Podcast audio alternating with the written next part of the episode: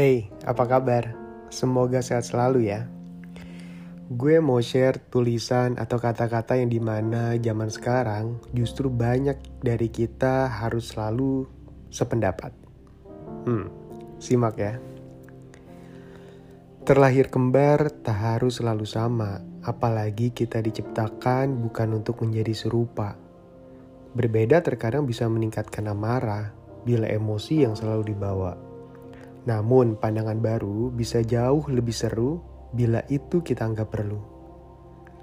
Memang manusia tidak mudah meninggalkan egonya begitu saja, butuh waktu untuk dipahami, dimengerti, dipelajari, dan diyakini.